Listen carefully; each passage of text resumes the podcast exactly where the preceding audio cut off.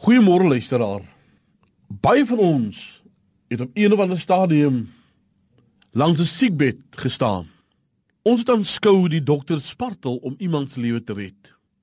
Om die pasiënt te help, word 'n asemhalingsmasjien aan die pasiënt gekoppel. Dit gee die familie weer hoop. Maar weet jy ons weet ook, sodra die asemhalingsmasjien onkoppel word, is daar die groot moontlikheid dat die lewe in gevaar is.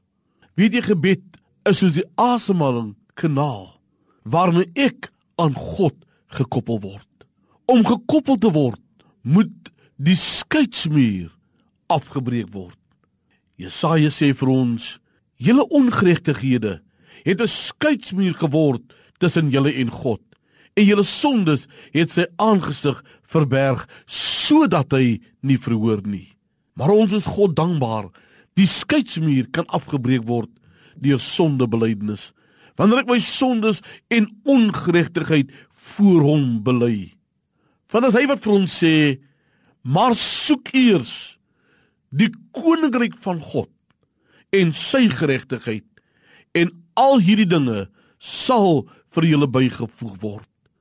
Moenie bekommerd wees oor die ander dinge nie. Soek eers die koninkryk. Kom eers in kontak met hom. Vra hom om die skeidsmuur te verwyder.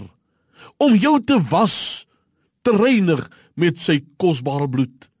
Weet jy as jy vandag aan hom gekoppel word, Hy reinig jou met sy bloed, dan kan jy deur hom asemhaal. As jy by God ingeskakel is, weet jy verseker hy hoor jou gebed.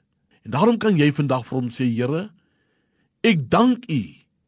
U woord sê in 1 Johannes 5 vers 14 en dit is die vrymoedigheid wat ons teenoor hom om het dat hy ons verhoor as ons iets vra volgens sy wil. En dan sê hy vir ons, hy waarborg dit in Markus 11:24.